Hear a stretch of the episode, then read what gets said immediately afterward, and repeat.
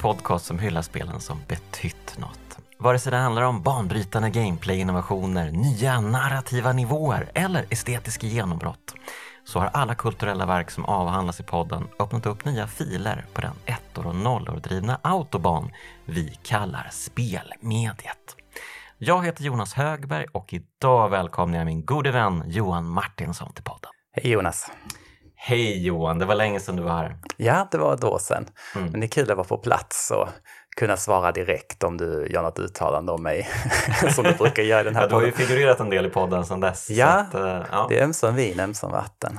ja, mycket, mycket vatten kanske senaste dagarna. Ja, ja. Portal-avsnittet Ja, just det. Mm. Ja, kul, kul lyssning. Ja, jag förstår, tycker det. Ja. Ja men som sagt, jag har ju längtat och trängtat efter att få prata med dig igen och det mm, är säker på att alla lyssnare också har känt. Eh, Johan Martinsson, denne panggäst. Åh vad härligt! Mm.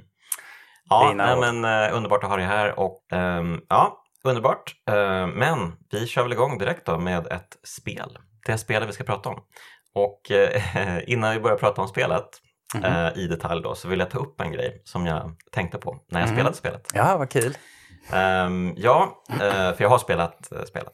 Uh, ja. Du tråkade ju mig ganska rejält förra gången för att jag uh, hade haft problem med ICO. Ja, du har väl spelat en bit i alla fall. Ja, det har jag. men min emulator gav upp till slut. Det är ju det är inte superlätt att spela Sega Saturn-spel, det får man ju säga.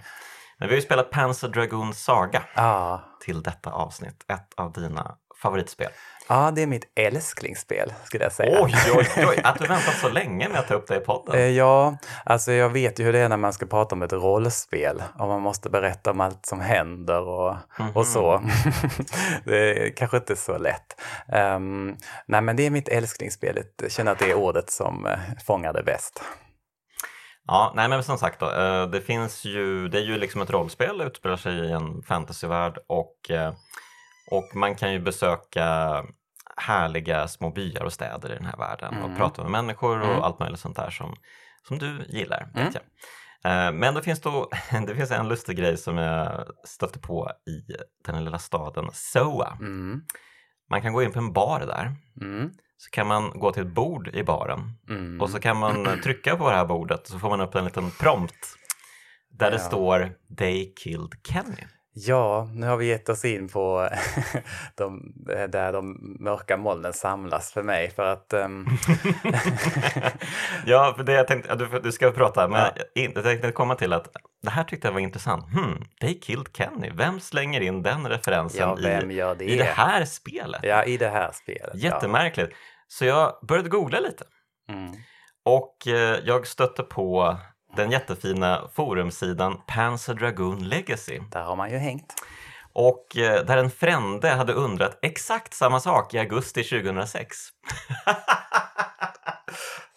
Gud vilken researcher det är. Och eh, vad tror du den här personen hade för forumnamn? Åh. Varför ska du alltid leta upp för massa skit? Johan understreck Martinsson. Aha, ja, det, det, det ja, men var... då, då hette jag mitt riktiga namn och inte något supertöntigt Pensadragon-namn. Alltså, jag har skrattat åt det här hela veckan. Det här var det roligaste varför på länge för mig. Varför hittar du alltid saker från 2006 som jag har gjort? det var så roligt för att uh, dels så tänker vi på samma sak. Vi är mm. väldigt, väldigt, väldigt tuned liksom att uh, det här måste man undersöka. Mm. Uh, och bara okej, okay, okej. Okay. Och det var så himla roligt, svaren på det du frågade liksom, för vi ville komma i kontakt med översättaren för att eh, liksom nysta ja, i det här jag mysteriet. ville det, okej, okay, mm. ja men då, då så. Du var verkligen så här, oj, they killed Kenny, vem skriver så? Mm. Det är ju helt sjukt mm. i det här spelet. Uh, men ingen nappade. Nej, det var, jag minns att det var ett dystert gensvar. Jim Kimon, uh, forumanvändaren Jim Kimon svarar We ain't stalkers and we don't intend to help other stalkers. just det, var det så illa? Jo, jag minns att det var så här när jag väntade mig ett, ett fint gensvar. Mm, mm. och så bara ah, jag har blivit stämplad som stalker. Det är, det är inte att stalka någon. det. Och när du säger då att du blott är en simpel speljournalist. Eh, ja, just det, du... det hade jag precis blivit. Ja. ja. Mm. Och då får du ett rejält mothugg av Alexander som har bytt ut ena mot treor här. En mm. väldigt cool Bra drag. Mm. I doubt any magazine or website would care to publish a story about the uncovering of the reason behind the Who Killed Kenny reference in an ancient Sega Saturn game. Find something more meaningful and interesting to Jävlar write vad- about. Jag hade sorterat bort hur jävla hård stämningen var där. Ja, alltså. det, jag trodde det skulle vara mysigt på det Jag här trodde också det. det Ja. Så gick in. Ja, men vilken rolig tidsresa tillbaka. Det var, typ, det var kanske en, precis kanske första månaden som alltså, betald eh, frilansjournalist. Det var så? jag. Okej, ja. Eh, Som jag liksom, ah, vad gillar jag? Ja, kanske det här. Det var ju, det var ju han har ju en poäng när Alex 3 under. Ja. Ehm, ja, det är inte jätteintressant. Nej, det är det inte. Ehm, och, men jag har faktiskt läst lite om översättarna nu inför detta också. För att Mm. jag, ehm, när man har ett älsklingsspel så alltid det spelet är, har ju en betydelse eh, för en. Mm. Och så bara tanken på att, som jag förstått nu, att ja, de här amerikanska översättarna, ehm, ja, alltså de eh, hade inte så bra, de fick inte så jättebra material av eh, Sega där de skulle översätta. Så mycket av det i den här underbara historien som jag älskar så mycket har ju de här idioterna lagt in liksom. Ehm, och det är så här, ja men det är ganska skvallrande att man slänger in en så jäkla tråkig South Park-referens i så här allvarligt, Mm. eh, episkt eh, spel liksom. Ja, det hör ju verkligen inte hemma. Det hör inte hemma. Det finns en annan grej. Ja, det här blir ju kanske lite konstigt. Eh, eh. Ja, fortsätt då. Ja, det gillar vi. Nej, men eh, på samma tema, det finns en karaktär som heter Crayman, det kommer vi komma in Mm, på. mm, mm. Han vid ett tillfälle, mm, i ett ganska episkt skede av spelet, så eh, skickar han liksom ett, lämnar han ett meddelande till en. Mm. Ehm, och, det, och då är det underskrivet KF Crayman. Mhm. De här KF syns ingen annanstans i spelet. Det har de här amerikanerna lagt in för det tyckte de skulle vara lite roligt för det är som Kentucky Fried Chicken. Det, det är deras... Ah, Okej. det skulle vara en rolig grej att det är KFC. KF Crane, Kentucky Fried Chicken. Det är, Wow. deras, det, är, det är den nivån. Men vilken kass humor de har. Den är ofantligt tråkig. Det är ju otroligt. Mm. Så får man nästan inte göra. Ehm, Men det är roligt att du tar upp det här med översättning för det har vi ändå pratat om ganska mycket i podden på sistone. Mm. Eh, Just 90-talsspel. Mm. Att eh, det var ju så. De, de fick ju liksom carte blanche, eh, de Mm. västerländska översättarna, alltså de engelska översättarna. Eh, Och oftast så blev det ju väldigt bra tack vare att de fick eh, jobba med materialet och bygga ut det liksom. Mm. Det. Eh, Som i Metal Gear Solid Mm, och i Eh, kanske inte i Castlevania. De två exemplen på att det gick bra. Nåja, men ehm, mm, det, fann, det fanns ju otaliga, otaliga sådana exempel. Vagrant Story till exempel Mm. var ju väldigt bra översatt till exempel. Ja, det. Ehm, men eh, nej, men alltså, det var väl inte så att jag tänkte att eh, översättningen var usel heller, Nej. liksom annorstädes. Eh, Nej, jag håller med att den eh, funkar ju. Mm. Det är inte så att man tänker på den så mycket, förutom med de här jättekonstiga detaljerna som man Mm. skulle lägga in för att vara roliga. För att Mm. skapa ett mervärde genom humor. Ja, precis. ja. Um, ja, jag är osäker. Men de har ju sagt, de japanska utvecklarna, att det är väldigt, det är många saker som är väldigt mer, mycket mer subtilt liksom, i den japanska versionen. Yes, det kommer vi komma in på. Men ja, men vi kan väl ta och eh, på allvar då lämna eh, Johan Martinsson anno 2006 och eh, låta Johan Martinsson anno 2023 Just det. det komma lite- till tals här lite på skillnad. allvar. Ja, precis. Ja, men eh, varför vill du prata om Panzer Dragoon Saga? Eh, jo, det är ju mitt älsklingsspel då. Ehm, och ehm, ja, jag tror det är liksom en, en av mitt livs eh, största liksom, kulturupplevelser. Ehm, det finns ju massa andra saker som böcker och så som jag är helt besatt av.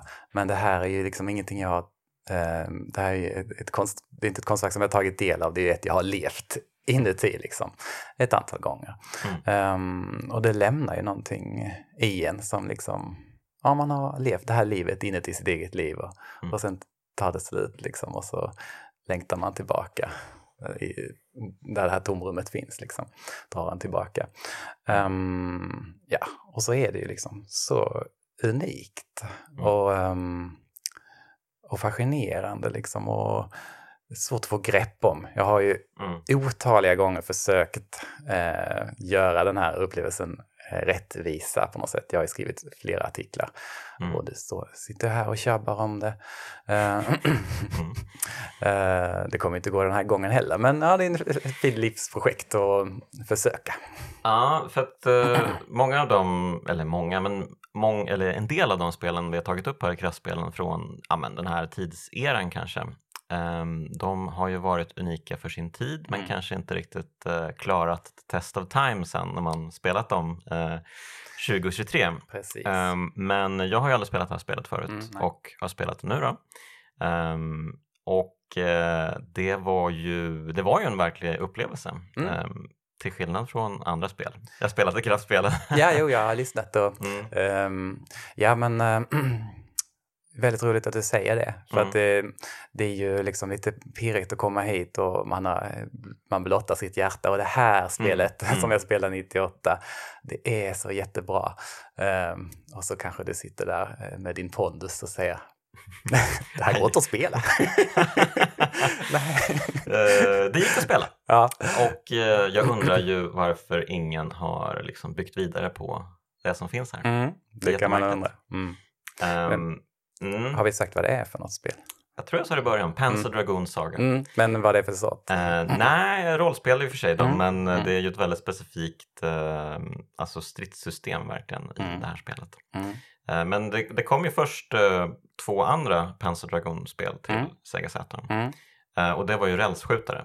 Precis. Och alltså om du skulle jämföra dem, för det här är ju, det här är ju liksom väldigt annorlunda. Um, Eh, Eh, det är det ju verkligen. Ja, alltså, det var liksom... De två rälsskjutarna, var väl så här, ganska imponerande för att vara Saturn. Eh, de var ju 3D och det var ju eh, jättekul för Sega-ledningen att se att det gick att göra ett 3D-spel. Mm. Eh, och de liksom, hade ju liksom en väldigt mystisk och spännande aura kring sig, även om det bara var... Man åker längs, man åker längs en räls, eh, en osynlig räls och mm. skjuter på allt. Liksom. Mm. Och det är väldigt korta liksom, eh, mellansekvenser. Eh, och liksom, där folk pratar på något slags eh, konstgjort språk som de har tagit fram just för den här spelserien. Mm. Um, så man, ja, ja men... Eh, det var väl lite time of its era också, det var ju mm. många rälsskjutare, House of the Dead och dylikt som mm. dök upp på just uh, Segas plattformar. Mm. Ja. ja, men Segas ledning då någon gång i mitten av 90-talet, de kom ju på det här med vi måste ha en Final Fantasy 7-dödare. Ja, just det. Mm. och liksom kontakt med verkligheten var inte riktigt deras grej då, eh, Sega-ledningen. Mm. Så att de bara, har vi ni som har gjort de här två jättekorta rälsskjutarna mm. som liksom bara så här eh, tar tre kvart och spelar igenom och bara mm. är action liksom. Ni ska göra Final Fantasy 7-dödaren. Eh, och den ska sälja en miljon, den ska sälja en miljon exemplar och det ska komma ut före Final Fantasy 7 och det, ni ska också rädda hela Sega. det var no liksom. pressure. och, ja. Vi har samtidigt en idiot som sitter och gör känd movie och som kommer ja, sänka det. oss totalt. Ja just det, de gjorde det, till, det var utvecklat till Saturn ja. också till början. Um, ja precis, det var, det var de två. ja. ja men det var liksom, ja. Mm. Och det var, då fick ju liksom, ja då fick de här, det här gänget eh, den pressen på sig då. Yukio Futatsugi heter regissören och en annan kille heter Kusunobi i efternamn, glömt förnamnet.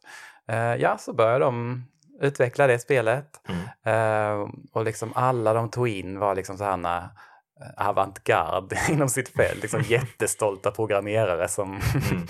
och, och det, liksom illustratörer och alla hade en jättestark vision. Och, ja, det var liksom bara kaos. Det var bara mm. en helt fruktansvärd utveck spelutvecklingsprocess tydligen.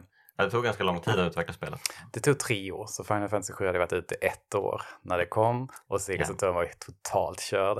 ja, ja, precis. Ja, det, det, precis. Den, uh, Dreamcast var väl redan släppt kanske? Uh, Dreamcast släpptes väl hösten 98 tror jag, Japan. Okay, okay. Det var, mm. Men det var ju mm. såklart, all, all fokus var ju där ja. naturligtvis. Mm. Mm. Ja, och så var det så här, ja vi ska göra det här rollspelet. Det ska vara ett eh, fullständig realtids 3D, fast att Saturn inte kan göra 3D. Okay. Ehm, alla karaktärer man möter ska ha eh, röst, inspelad röstdialog. Mm, det tänkte jag på, det är helt inte sjukt. bara lite, utan man kan prata med dem om och om igen och de säger wow. nya saker. Liksom. Otroligt. Mm. uh, och det här, allting ska göras från grunden inget, det ska inte tas in någonting externt. Mm. Allting ska bara utvecklas av oss. Ja. Eh, ingenting fick vara någonting som någon har sett förut. Det är eh, helt sjukt. De måste väl, på den tiden så byggde väl alla liksom spelmotorer från grunden också? ja, men det var också så att det, det fanns ju sådana, ah, jag är så dålig på det här, men det fanns ju liksom libraries av, av grejer som man kunde Mm, eh, mm. liksom, eh, Liksom, Ta eh, in liksom ja, grejer. assets som Ja, man bara kunde plocka liksom. Ja, ja. men det skulle de inte göra. Utan... Det skulle de inte göra? Nej, de skulle göra det också från grunden. Okej, okej. Ehm, ja, och ja, alltså när man läser intervjuer med dem som gjorde spelet, ja det var ju det värsta de någonsin varit med om. När de är med om någonting eh, fruktansvärt i deras liv så tänker de, ja det är i alla fall inte lika illa som utvecklingen av Panzer Saga. Ehm, Okej. och det var ju, det var en som tog livet av sig, en som dog i motorcykelolycka strax efter releasen. Ehm, och allting var bara katastrof. Ehm, Mm. och det finns ju en sorg i, i spelet som, eller som, man kan ju se paralleller mellan utvecklingen och, och tonen i spelet. Skulle jag säga.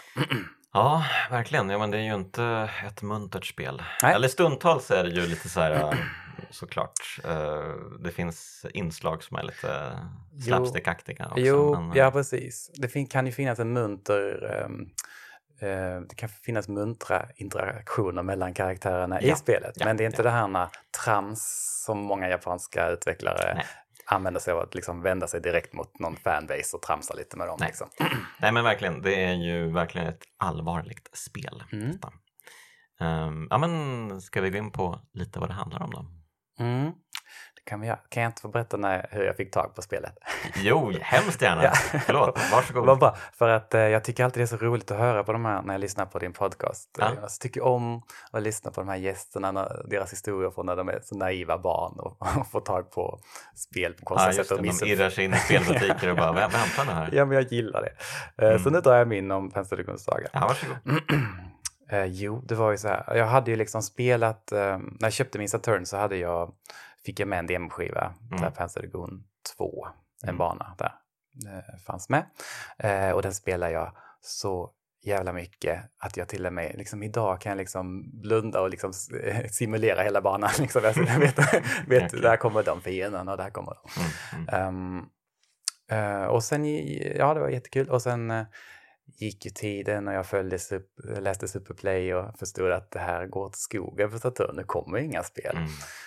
Och sen då 98 så började det komma eh, på den här sista sidan där det stod nästa nummer recenserar vi. Och då stod det där Panzer Dragon Saga, det här rollspelet i den här fantastiska världen. Mm.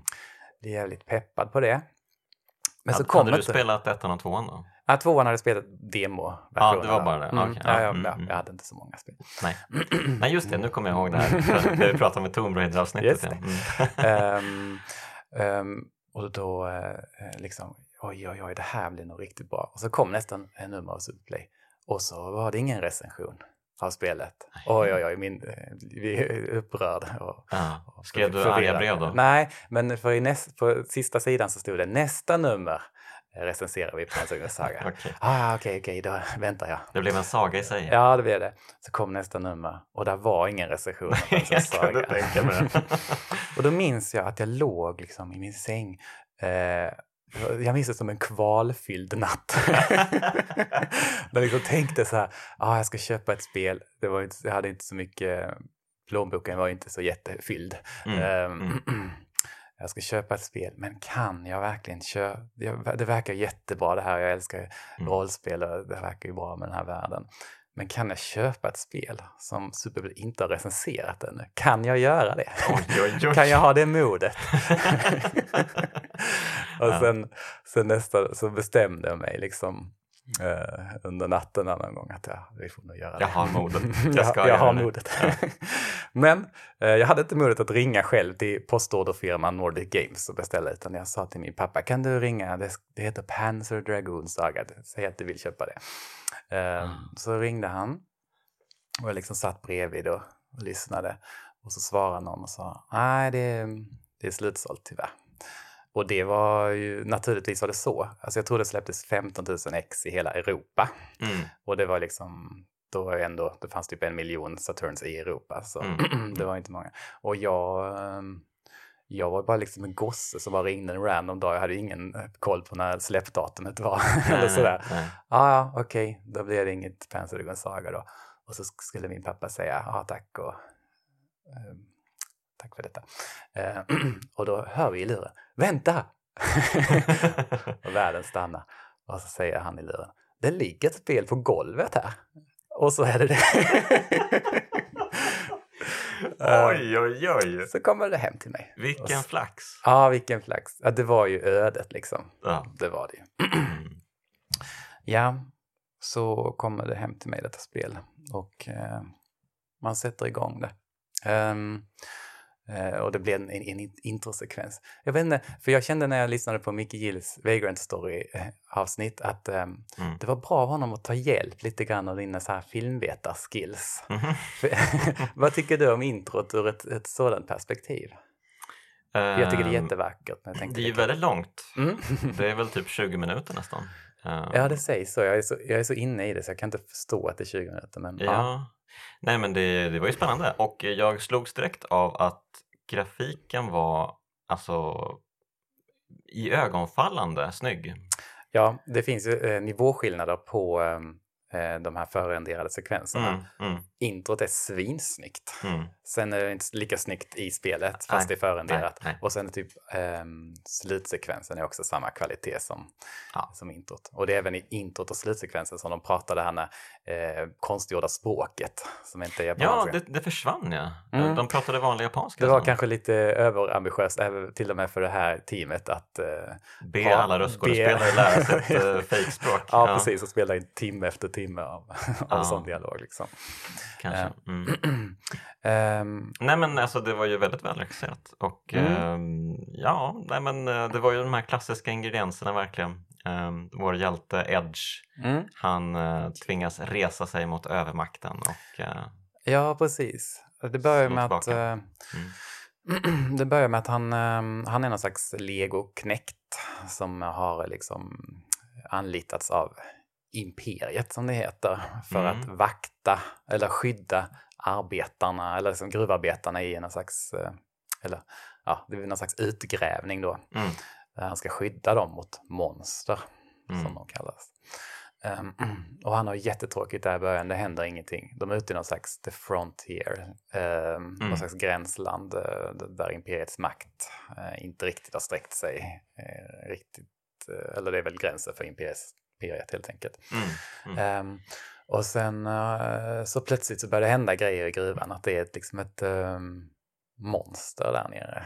Uh, och, så, och då börjar Edgy uh, springa ner och samtidigt sätter det igång så otroligt episk musik mm-hmm. och kameran uh, zoomar ut liksom och det kommer någon sån här röst med så här voice-over röst med superdjup klang. Det känns som man talar från ur, ur, ur årtusendena.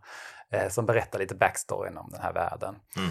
Och då är ju det att för länge sedan fanns det en, eh, en eh, väldigt avancerad civilisation Mm, mm. ehm, som liksom närmar sig gudamakt. De Mm. skapade liv liksom. Ehm, men mycket av det livet de skapade var någon slags, någon slags eh, monströsa varelser som än idag lever vidare ehm, och håller eh, liksom är den här mänskliga människospillrans stora fasa. Liksom. De, Mm. Håller mänskligheten i schack typ. Mm, Mm. Precis. Ehm, och så finns det massa ruiner från den här um, lämningar efter den här civilisationen och där Mm. har ju um, människorna i den här tiden då börjat gräva ut dem och hitta massa eh, superavancerade mm, maskiner liksom som de knappt förstår själva men som de kan använda för att eh, regera den här världen. Mm. Så de har, det här imperiet har ju då Mm. byggt hela sin framgång Precis, på gammal makt. teknik. Ja. Precis, de bygger sin makt. Och sen Mm. har det blivit någon slags, eh, har det eh, rest sig andra makter och så har det blivit någon slags liksom kapputgrävning av, eh, av här, de här gamla ruinerna. då, Mm. För att öka sin makt och Mm. ta kontroll över den här världen. Liksom. Ehm, Och eh, de har ju hittat någonting här nere. ja, precis. Ehm, de har hittat eh, en levande varelse. Ja, Um, som är instängd, alltså det är lite hans solo situation här. Det är det ja, precis. Typ uh, Captured in Carbonite liksom. Ja, jo, ja, men i den här striden mot monstret där nere så uh, öppnas ju, blottläggs ju den här varelsen då. Mm. Uh, en kvinna Eh, vars kropp liksom har någon slags liksom komplext yin och yang-mönster. Och mm. eh, svartvita, svartvitt mönster som går in i varandra. Och eh, ja, hon ser liksom ut liksom som en uh, skulptur eller muralmålning nästan. Hon liksom är inkapslad i sten. Mm. Och liksom när, när hon blottläggs så liksom stannar hela världen på något sätt och det här monstret bara Eh, liksom nästan böjer sitt huvud i någon slags vördnad. Och, mm. och Edgy han, eh, han får någon slags vision om att den här, den här kvinnan liksom öppnar ögonen och ser på honom. Och, och så säger han att hon är så vacker. Eh, och ja, och sen fortsätter liksom den här striden. Ja, det är, alltså, mm. det är ju ett väldigt långt intro. liksom... ja, men det är det här som är problemet här. Men ja, de eh, liksom lyckas eh, besegra det här monstret och kommer upp igen och då blir de helt nedmejade mm. eh, av någon slags eh, eh militär makt då, som de tror är imperiet. Mm. Som leds av den här Cramen som vi pratade om förut, KFC-killen. Ja. Precis. Um, och då tar de i, och så tar de den här, uh, lägger beslag på den här kvinnan då, den här sten väggen som hon är, sitter in, är inkapslad i. Eh, och sen blir Edgy också skjuten mm. eh, och faller ner i avgrunden. Ah. Och sen så får man, eh, så vill spelet veta vad man heter. Just det, den så, lilla detaljen. Ja. Mm. Uh, och då om man, man kanske skriver ett lite, någonting man inte heter, då frågar spelet. Inte Johan understreck Martinsson. Nej, precis. Då frågar spelet, är det ditt riktiga namn? Uh, ah. Nej, det är det inte. Då, då, får man, man får liksom skriva in det tills man lovar att man har skrivit sitt riktiga namn. Mm. Och då eh, dyker det upp en, ett ljusklot som rör sig neråt genom ruin, så ett otroligt långt, djupt schakt. Um, och där får vi se den här arkitekturen som är väldigt um, karaktäristisk för de här, den här uråldriga civilisationen. Vad tycker du om den? Uh, oj, jag mm. tänkte inte så mycket på den. Du tänker inte på den? Nej. nej. Du får, du får ehm. avslöja dina tankar tror jag. Jo, men den är väldigt unik. Mm. Uh, jag har liksom inte sett något riktigt liknande. Uh, allting är ju vitt. Ja. Men inte sådana... Um, det är någon slags ben vitt. Det ser ut som ben nästan. Mm, mm. Uh, ja just det, det, man, det dyker upp flera gånger sedan också. Mm, och det är inga raka linjer, allting flödar liksom. Mm. Och um, det, det, i, på det vita finns det liksom svarta flödande linjer och punkter som för, för mig eh, liksom leder tankarna lite till någon slags processor, eh, så typ. Mm. Ja men det känns ju väldigt eh, liksom datateknikaktigt mm. allting. Mm. Ja så den är väldigt liksom ett väldigt eh, sammelsurium där olika intryck. Man tänker på ben och på teknologi och på arkitektur i, i, mm. i ett liksom. Ehm, Gammal teknik fast ny. Ja, teknik i form av enorma byggnader på något sätt. Mm, mm. Um, ja. det, är en av, det är en av ganska många sådana saker i spelet som är liksom lite svår att få grepp om. Mm, uh, och mm. lite att man inte riktigt har sett, inte jag i alla fall, så mycket som liknar det. Liksom. Ja, nej, men det återfinns väl ganska mycket sen i det här tornet som dyker upp Mm. senare i spelet. Ja, precis. Um, ja. Um, ja, och uh, ja, men han, um, han överlever ju fallet. Uh, Ja. vad sa du? Ja, Jag, jag säger det som, det stavas ju edge, Ja. men jag säger, jag är ju, jag är som jag är så jag säger det som de säger det i spelet. Mm, Okej, okej. Eh, Halvjapanen Johan Martinsson. eh, Eller? Ja, okej. Ehm, ja, alltså han, eh, han ligger ju där i, i vattnet, men han eh, vaknar inte till liv förrän det här ljusklotet kommer in i honom. Eh, landar i honom liksom. Då Mm. vaknar han till liv. Mm.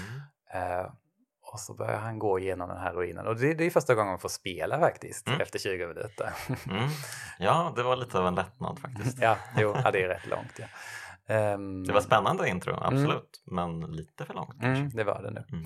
Ehm, och, då, och sen tar man sig upp och då blir han liksom... ehm, eh, då kommer det de här monstren igen fast eh, väldigt många av dem och det ser Mm. det lite kört ut för Edgy.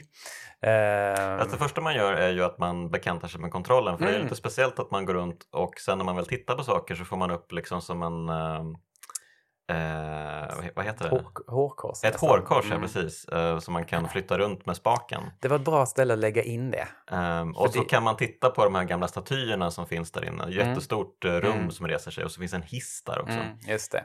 Mm. Eh, ja, alltså det är ju sättet man interagerar med världen. Man Mm. tar fram liksom ett lasersikte. Ja, Eh, ja.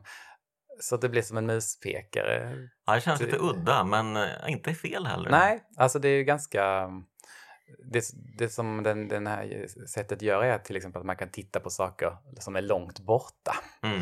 Eh, eller nära och då skiljer det sig. Ja, det skiljer sig. Det tänkte Mm. jag också på. Det Mm. var superintressant. Mm. Att man bara, hmm, vad är det där, där borta i horisonten? Och så går man Precis. fram dit och bara, jaha, det var det här. Det är också bara så här, oj, varför var det, ja det är superbra, men hade ni verkligen tid med det här? Eh, Ja, precis. Behö men- Behövde man ha det när man såg längst bort där? Ja, kanske. ja, det, det Det väldigt- finns något intressant där borta. Mm. Jag måste gå och kolla på det. Det, Mm. där det funkar allra bäst är ju att man, om man står senare när man befinner sig i befolkade områden Mm. så kan man se två karaktärer som står och pratar med varandra. Eh, och man eh, liksom eh, targetar dem från lång, långt avstånd så kan man liksom tjuvlyssna på dem, deras samtal. Mm. Om man Mm, är nära så pratar mm. man med dem direkt. Ja. Eh, om man står långt borta så kan man höra vad de pratar om. Mm. Eh, så, och det är ofta superintressant tycker jag. Ja, men eh, i det förra avsnittet av Kraftspelen pratade vi mycket om tjuvlyssning i Mm, The Last Express. mm. Ehm, och eh, det är ju eh, någonting som jag har blivit besatt av nu. Ja, att, det, Det är ju underbart att det tjuvlyssna. är underbart att tjuvlyssna, absolut. Ja. Mm, så det finns ett sån, sån aspekt i detta spelet också. Mm. ja, men förlåt jag avbröt. Du tänkte berätta Ja, det om bra. monsterna Fick som hoppar in igen. Ja. ja, det ser ut man ska att- använda hissen. Va? Ja, man Så- använder hissen och åker uppåt. Det ser illa ut för Edgy för att det finns massa monster där. Mm. Men så kommer det laserstrålar från skyn. Mm. Eh, och dödar alla dessa superfarliga monster på direkten. Mm. Och så sveper det ner en drake då. Ja, en drake som inte riktigt ser ut som så här liksom klassiska drakfantasin. Liksom. Nej. Det här är en japansk drake. Det är det. Det är en science fiction-drake. Mm. kan man Åh, väl säga. vikt, viktig särskiljning, ingen fantasy-drake här Nej, inte. men skillnaden är ju mm, ehm, att den är skapad. Eh, det är en biologisk maskin, Mm. som mycket annat i det här spelet, Mm. ja, som, har skapats av den här eh, förhistoriska människocivilisationen. Liksom. Mm. Ehm, så att det är ju... Det, ja, eh, det- är liksom inte en varelse som bara finns i naturen, utan det är någonting som eh, människor har skapat. Den ser jättefin ut och det allra bästa med den är ju att man kan förändra den senare i spelet. Ja, det är också så att totalt överambitiös. eh, Det är det bland det sjukaste jag sett faktiskt. Ja, man i realtid bara ändrar Ja. man en, karaktär, liksom en karaktär, karaktärsmodell på supermånga olika sätt. Ja, och det är ju det att att det får man väl kanske någon timme eller två timmar in i Mm, spelet, mm. den här förmågan Mm. ehm, att uh, mecka med sin drake. Eh, Och det gör man ju då för att eh, draken ska kunna bli bättre på typ agility eller strength Mm. eller defense och sådär, liksom striderna, olika ja. förmågor i striderna. Mm. Men alltså inte bara det att man förändrar det via, man har ju någon cirkel som man Mm. rör liksom en, en grej på och Ja, så åt olika analogt. håll liksom. Ja. Mm. Nu är den åt eh, typ strength och agility hållet liksom. Mm. Och då får den olika former Mm. och det är ju helt otroligt vackert. Mm. Och, det är, och det, allting som du säger, det sker ju i realtid här att man förändrar draken Mm. också. Och det är så snyggt att om man kör liksom en defense-drake då får den en jättetjock svans. Mm, ja, Ehm, och kör man en agility-drake då blir den så här nästan som en streck, Mm. bara supersnabb Mm. och ja, superhäftigt verkligen. ja, alltså jag trodde det var svårt att göra liksom karaktärsmodeller Mm. eh, och så kan de göra liksom, eh, det, det måste vara hundratals olika liksom Ja men sätt den här för draken det, kan det se är ut ju liksom inte bara att man ändrar från Nej. fyra olika håll Nej. liksom, utan det är ju liksom små, små, små justeringar hela tiden man kan göra. Ja. Eh, ja, jag fattar fan inte hur de gjorde det. Nej, inte jag heller. Nej, så att, ja, det är ett exempel på det. Att det liksom, eh, ja, det var väl någon som bara, ja, det här, liksom, jag är en så stolt programmerare, eller, så det här ska jag lyckas med.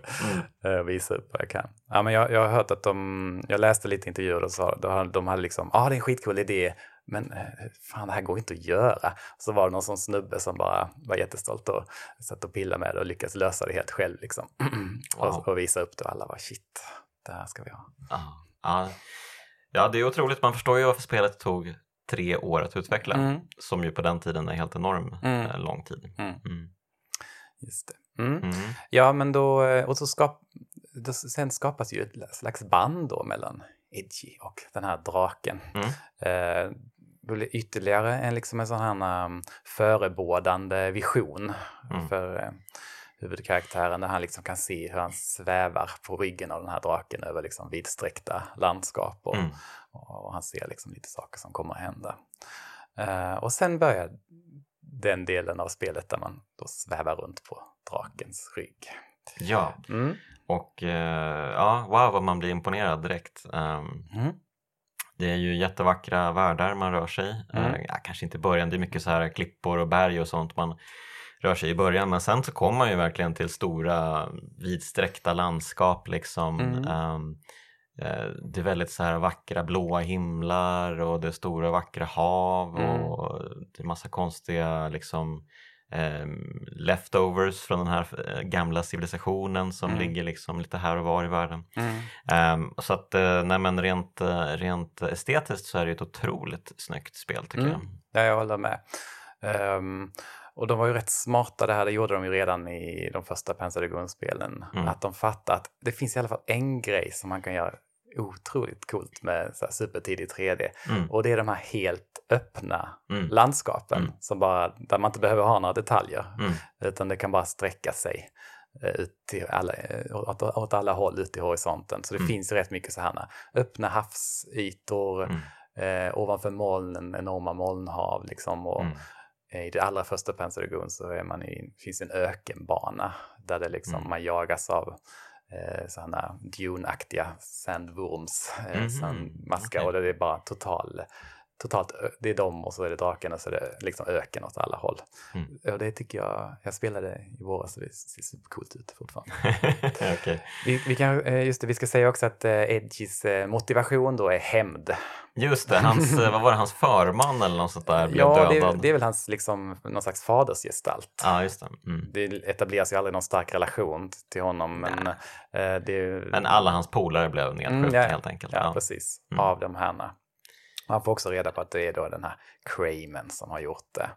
Mm. Eh, bra namn tycker jag. Ja, det Crayman, det känns jättemärkligt. Va, mm. Vadå Crayman? ja, ja, precis. Ja. Mm. Tillräckligt äh, abstrakt och mm. konstigt för att man bara, va? Ja, ja men så är det ju rätt, rätt mycket av spelet. Och, och, och de här banorna som vi pratar om, de är ju, många av dem, så, en del är ju ganska sådana, ja det är en, en bergsklyfta som man flyger igenom och öknar och så. Men det är också en del banor som är liksom ganska svåra att få grepp om. Vad mm. är det man liksom mm. tittar på här? Mm. Eh, de, den här uråldriga arkitekturen kan ju bli ännu konstigare så man liksom knappt kan förstå den alls. Mm. Liksom. Mm. Man tittar, vad är funktionen här? Och det är jävligt coolt. Och, mm. och sen, um, ja, det finns ju um, man tar sig ut på någon slags märklig kust som är väldigt så här plågad av någon slags gravitationsstorm. Just det, just det. Um, och du, det var ju väldigt häftigt om man besöker Imperiets, uh, den någon bas mm, tror jag. Där. Ja, exakt. Och det ser ju verkligen Star Wars-aktigt ut. Ja, just det. Ja.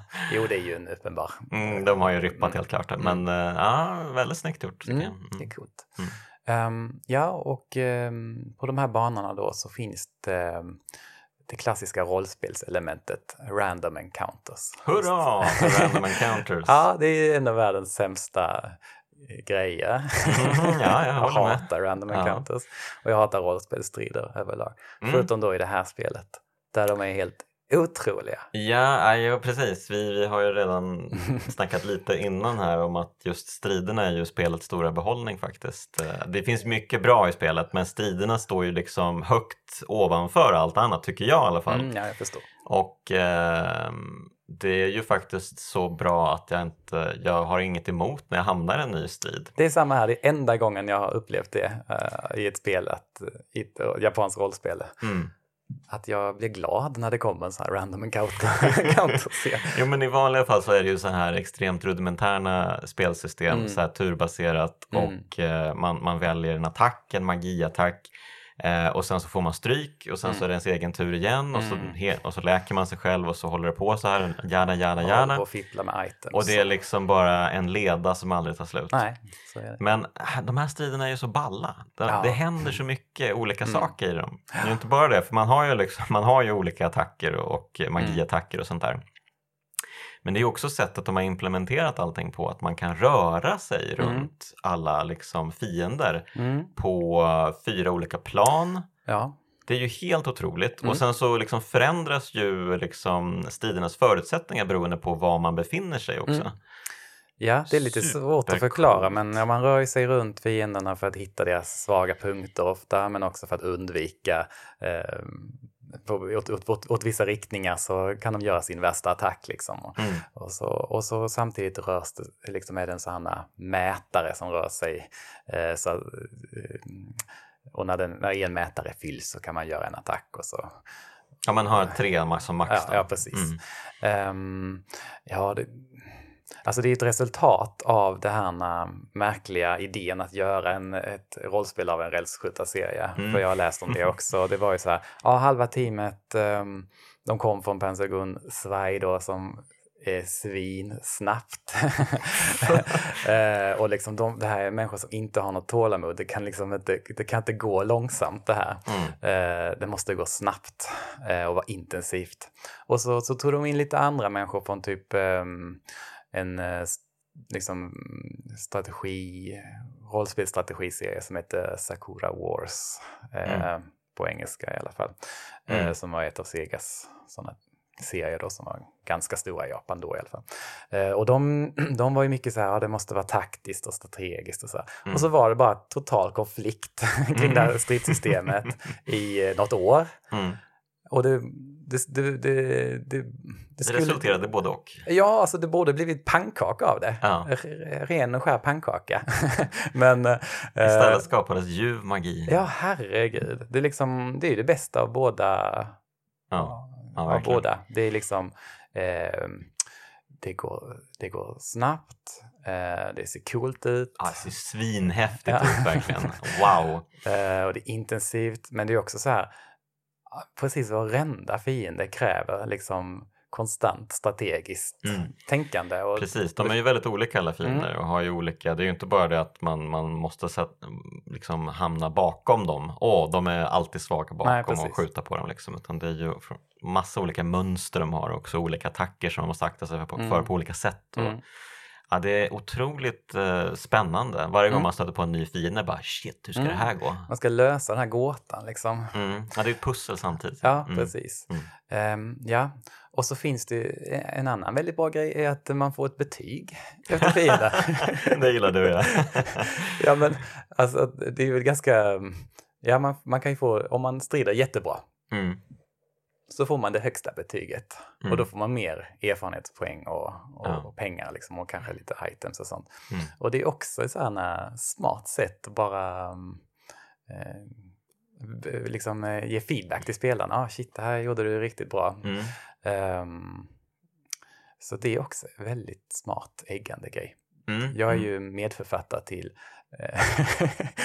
guiden Hur får du excellent på alla fiender i, i Pensacola Saga. Är det det? Ja. Jaha, oj oj oj, det var värst. Ja. Var hittar man den här guiden? Du, det är frågan. Kanske på någon gammal hårddisk hemma hos mig. Men jag vill minnas, hade inte du någon hemsida för... Ja, bra. Du har ändå ett ganska bra minne Jonas. Ja, men eh, jag tror att i alla fall Johan Martinsson saker har jag bra minne för. Mm, särintresse då. Allt annat är ointressant liksom. jag kan förstå att du, att du känner så. Mm. Ja, berätta uh, lite om din gamla hemsida hemsida? Ja, jo, jaha, du menar... Ja, ja jag hade ju en... under folkhems-PC-tiden när alla fick en PC. Vi snackar eh, via jobbet. 90-tal nu. Ja. Ja. Ehm, ja, det måste ju för varit väldigt, det måste vara 99 då eftersom spelet Ja. kom 98. Det Mm. var, vi var väl efter. Vi säger att det är 90-tal. Mm, Ja. mm. Eh, då skulle alla göra en hemsida. Det var väldigt, jag vet inte om du minns det, men det var väldigt Mm, viktigt jo. att alla skulle göra en hemsida. Ja, ja, ja, jag har pysslat med HTML också. Ja, ja, precis. Mm. Eh, och då, jag och min bror var då väldigt besatta av Pension Saga eftersom vi hade spelat det. Och sen dök det upp någon nyhet på någon totalt random spelsajt där det var typ så här Pension Saga 2 kommer att komma. Och så då jag och Fredrik, oj, vi ska, vi gör en hemsida om Pension Saga 2.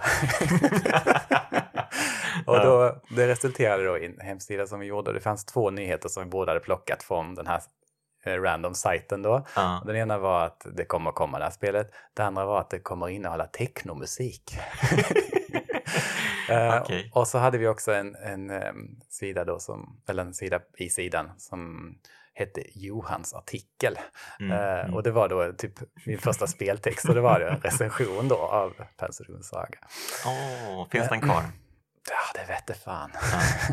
Ja. Ehm, var det, det kanske är det du syftar på? Jag Jag borde vet- letat upp din eh, recension. Ja, att du inte måste- det. Ja? Bättre research eh, Ja, på min person nästa gång. Ja. Mm. Eh, Men eh, ja, jag antar att vi skrev den här guiden också till den här hemsidan då antar jag. Mm. Mm, men Mm. man kan... Det finns ett ultimat sätt att besegra varenda fiende på. Men det är ju ganska imponerande att skriva en guide för alla fiender, herregud. Ja, så Det är ganska många Vi fiender. var barn och helt väck. Ni hade ingenting annat att göra. Nej.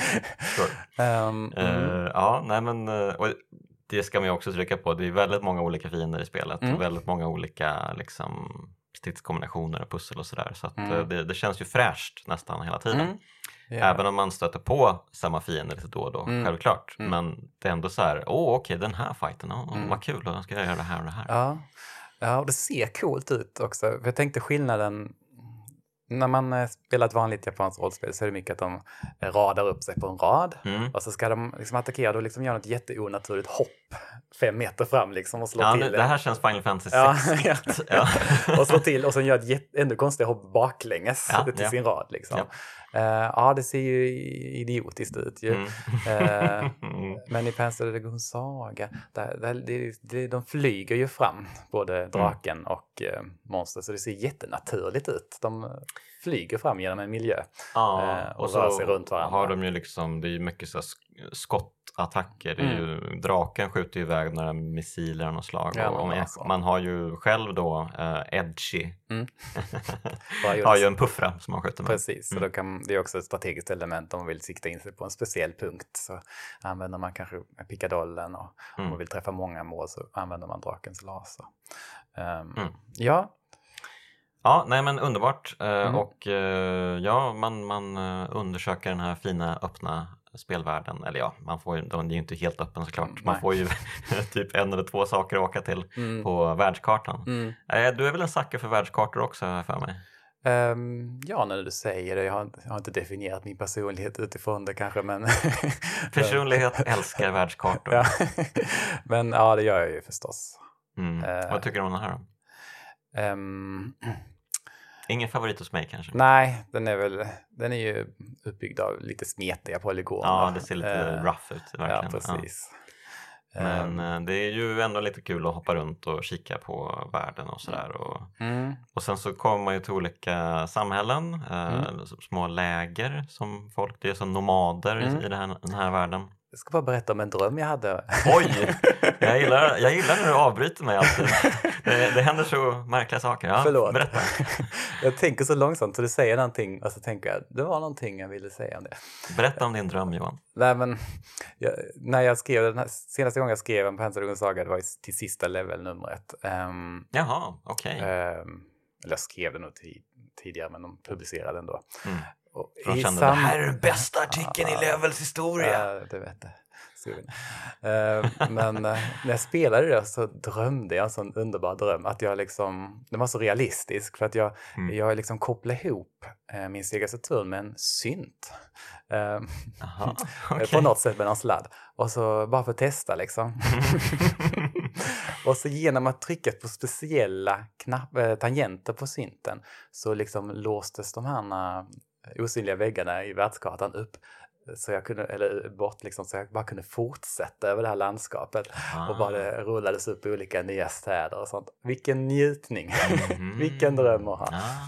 Ah, det låter underbart. Eh, mm, det var min dröm. Mm. Det var värt att avbryta dig för att berätta detta. Eh, tack, nu vet jag inte alls vad jag skulle säga. När man Eh, kommer till olika bosättningar. Ja, just det. Men, och det här vet jag ju att du älskar mer än någonting Åh. annat. Prata med eh, iskar i spel. Ja, och just de här är ju sådana favoriter. mm, mm. Mm, det, Först kommer man ju till ett litet läger då. mm, karavanen. En karavan. Ja. Mm. tre tält och två familjer som är på, ja, de, är, de reser ehm, mot ett mål som är en, Mm. en stad som heter Soa som man kommer till sen, Just det, där det finns Day Kill Kenny-referenser i boken. Just det. Ja, bland annat. just det. Mm. Och, där, eh, och det är ju första gången man får eh, liksom interagera med de här lite perifera figurerna Mm. i världen.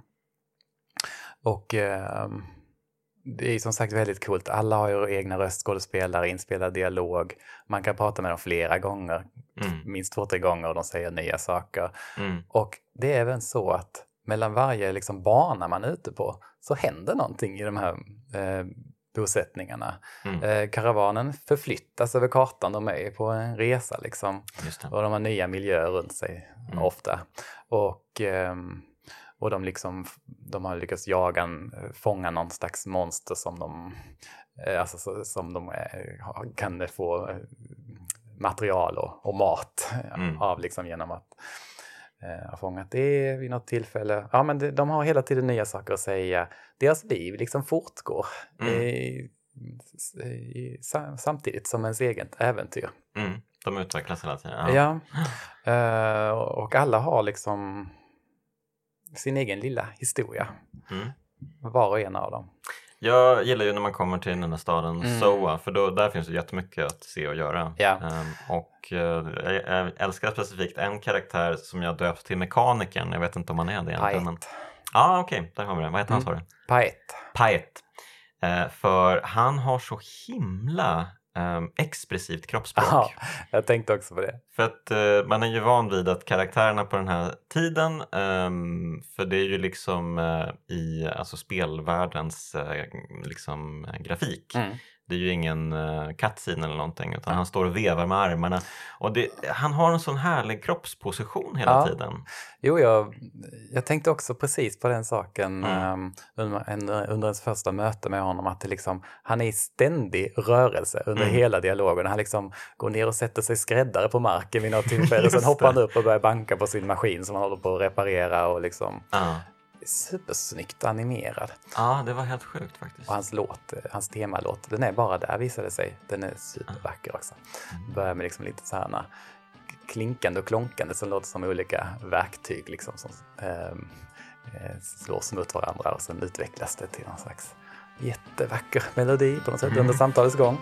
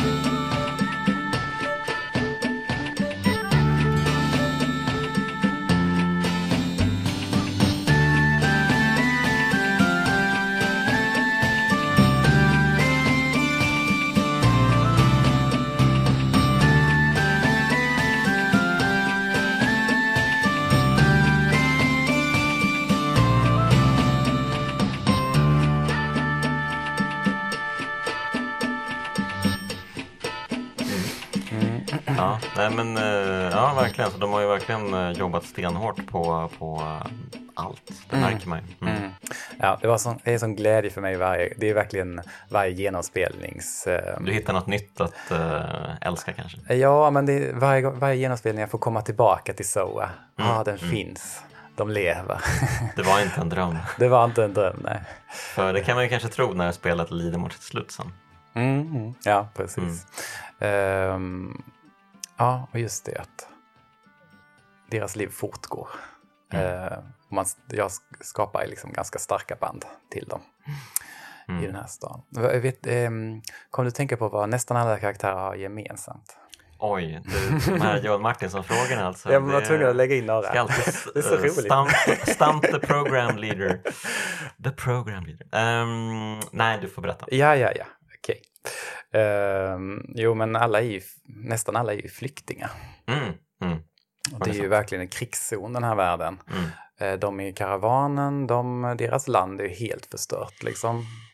Eh, ja, och, och i introt har vi inte sagt heller, men där i introt går det ju av en liksom, typ en atombomb på imperiets huvudstad. Och, Mm. och den första byn man kommer till är helt förstörd och där finns inget liv liksom. Mm. Ehm, Och så är liksom den här sista utposten ja, eh, precis. egentligen för eh, det. den lilla resten av mänskligheten som inte Mm. är förslavad. Liksom. Nej, precis. Så är ju byggd... ehm, det finns ju liksom en, någon slags artefakt i tempel i, mitt, i Soas mitt ehm, Mm. som på något sätt um, repellar, eh, gör så att monster inte, de här monsterna som lever i världen inte eh, vill gå i närheten av staden. Mm. Den skickar ut någon slags signal. Och därför är det, har det blivit en slags paradis, för det ligger på ganska så här, bördig mark vid, Mm. vid någon skog. Och Ehm, imperiet har inte hittat den här Nej, staden. det verkar inte så. Ehm, och, eh, och därför har ju flyktingar från den här, i den här krigshärjade världen sökt sig dit. Ehm, men de ursprungliga invånarna där, liksom, nej, det vill vi inte dela med oss av, utan de har, gjort, de har stängt portarna. Vi har det Eh, gött här, tack. Ja, eh, ganska realistisk ehm, eh, liksom, händelseutveckling i en, Mm, en sån värld, mhm. känner jag. Mm. Och sen har det växt upp liksom ett ytterligare ett samhälle, en stad utanpå staden. Eh, då Mm. som är det första man kommer till, det här Liberal District som det heter. Ja. Och det är ju, det är ju mm, bebott av, ja, till största del flyktingar från, från olika Mm. delar av världen liksom, som har kommit dit för att försöka eh, hitta någonstans att vara. Mm. Ehm, och även det här senare eh, gänget som man träffar på som kallar sig The Seekers. Eh, det. eh, det är också ett gäng som... liksom- Jedi-orden. ja, ja, just det. Ja, jag har inte tänkt Star Wars, Ja. men när det droppade här så... Mm. ehm, de är också bara så överlevare som Mm, har mm. samlat sig. Just det, Ehm, men de har lite mer koll på läget. det har de verkligen. Mm. Men ehm, Men man jagar ju efter Craven. ja, det är ens mål liksom. Det är målet. Och eh, man eh, hittar ju hans flaggskepp ganska tidigt i spelet. Mm. Ehm, och eh, har en kul fight mot det. Ehm, Mm. Och då dyker ju en annan drake upp. Ja, precis. Med den här, eh, som rids av den här kvinnan då som, som dök upp i början. Azel. Azel, ja. Ehm, som eh, nu plötsligt är väldigt mycket vid liv och ehm, skyddar Cramen. och så, eh, ja, hon är jättecool också och liksom står på nosen av sin enorma Ah, drake. Och så blir det en sån där väldigt episk bossstrid mellan Mm. de här två drakarna och drakryttarna. Ja, ovanför molnen, Mm. molnhavet. Som Liksom. det ska vara. Ja, men eh, ja, vad, vad tycker du om bossstriderna överlag? Liksom? Ja men ja, jätteroliga. De kommer ju också i så här flera led Mm. ofta. ehm, att eh, bossen liksom utvecklas. Nu minns jag inte, draken kanske inte utvecklas så mycket här, den här bossstriden. Ehm, Mm. men det finns ju andra strider där det liksom händer i, i liksom, ja okej nu slänger bossen av Ja, sitt skal. jo, liksom, jo, det är lite och sånt Dags för lite extra Ja, eh, whipping liksom. Ja. Men nej, men bossstriderna är häftiga. Alltså, det blir ju ett, eh, ett episkt lager som läggs på liksom. Eh, Mm. verkligen. Jo, Musiken också- är väldigt häftig. ja, det är den. Ehm, ja, men det är, väldigt, det är en extremt episk känsla över många av Mm. dem. Det känns ju som att man är liksom i- någon slags legend i egentlig mening. Att det är något som den här striden skulle kunna besjungas i något diktverk. Liksom. Just det, just det. Just det. Det är den Ja. nivån på det lite grann. Mm. Så alltså gigant, eller så här otroligt kraftfulla drakar som strider mot varandra ovanför molnen. Ehm, långt, långt ovanför den liksom jordnära världen som finns där under. Supermaffigt. Mm. Ehm, Men... Um, ja, man lyckas ju avstyra henne i alla fall. Mm. Hennes drake får ju så mycket spö att hon väljer att uh, fly då. Mm. Um, och sen så jagar man ju efter, man försöker hitta Crayman. Det är mm. mycket hit och dit och mm. utforska nya um, zoner, mm. världar, mm. platser. Um, och eh, till slut så blir väl Edge, uh, han blir väl kidnappad, eller han blir väl uh, tillfångatagen mm. av Imperiet. Ja, det stämmer. Och jag tänkte på just den scenen, det var så en himla grisig tortyrscen. Ja, den är... Alltså vilka skrik han ja, ger De skriken skär rakt in i själen på en, alltså som han, som han ger ifrån sig där. Mm. Ja, den var väldigt eh, väldigt stark. Liksom. Mm. Um, man får ju inte se tortyren nej, i bild, nej. utan den är ju utanför bild. Men så mm. hör man hans skrik och mm. de är ju verkligen fasansfulla. Mm. Mm. Precis. Um, så det är väl då som imperiet börjar. För innan dess har de liksom inte haft uh, någon uh, liksom, uh, direkt antagonistroll. Mm. Utan det är den här Cramen då som, jag vet inte om jag har sagt det, men han är liksom en, någon slags avfälling Eh, ja, men precis. Han har väl jobbat för Imperiet förut. Ja, precis. Han mm. är, gör revolt liksom. Mm. Men eh, ja, de är ju, det är ju en horribel imperialistmakt liksom. Mm. Som,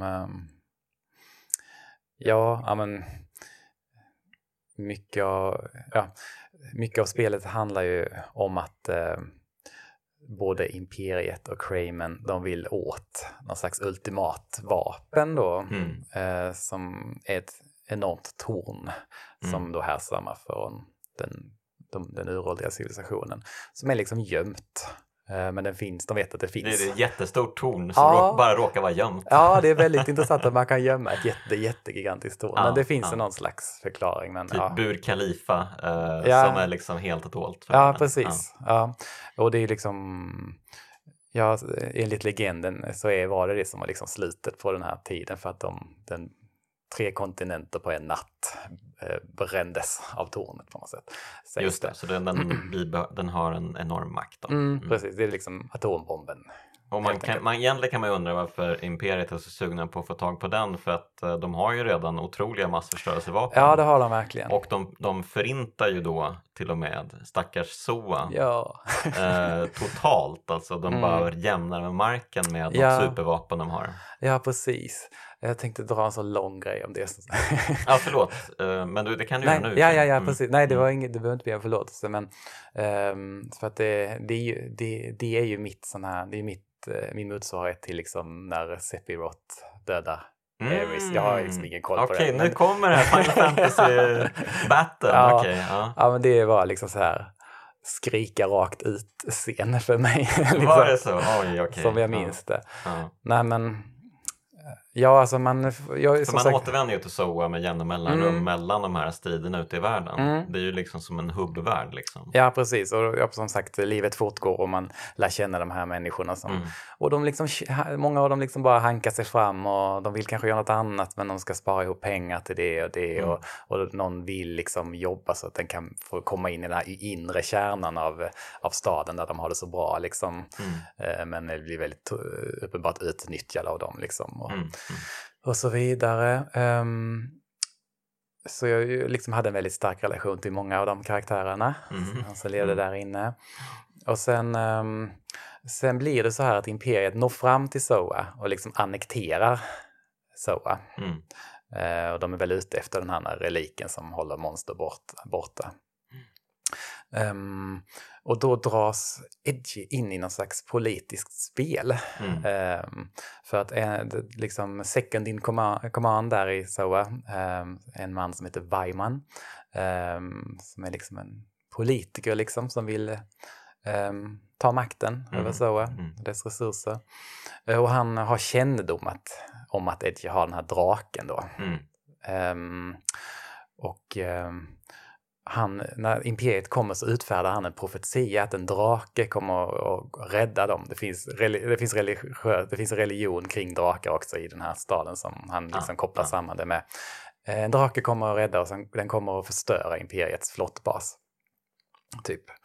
Och sen äh, säger han till Edge, ja, gör det här åt mig så ger jag dig den information äh, du vill ha. Och då vill man väl ha information om typ tornet, var det finns, och så man kan komma ifatt Kramer. Liksom. ja, precis. För Cramen har väl redan nått fram till tornet. Mm, ja, precis. Man Mm. dit. Eh, och så säger man eh, okej. Eh, och Edgy har ju som sagt blivit torterad av Imperiet där, så han bär ju på såklart ett hat. Ja. Och så ger man sig ut i gryningen, eller precis innan gryningen då. Mm. Dimmigt. Flottbasen ligger på sjön där vid staden.